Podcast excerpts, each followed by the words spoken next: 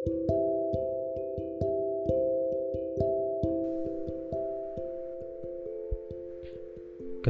tidak kita panjangkan sesekali? Sekedar sapa dan pertanyaan tentang cuaca hari ini tidak menyakiti siapa pun. Bercerita kabar dan kesibukan tidak mengancam informasi pihak mana pun.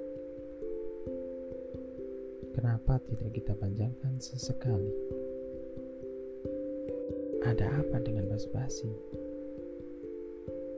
Tak perlu cerita pribadi. Cukup kabarmu hari ini atau perjalananmu bekerja pagi ini. Mungkin tak perlu kita panjangkan sesekali. Biarkan cerita singkat menjadi berjilid dan dinanti. Hingga aku lupa akan perasaan ini.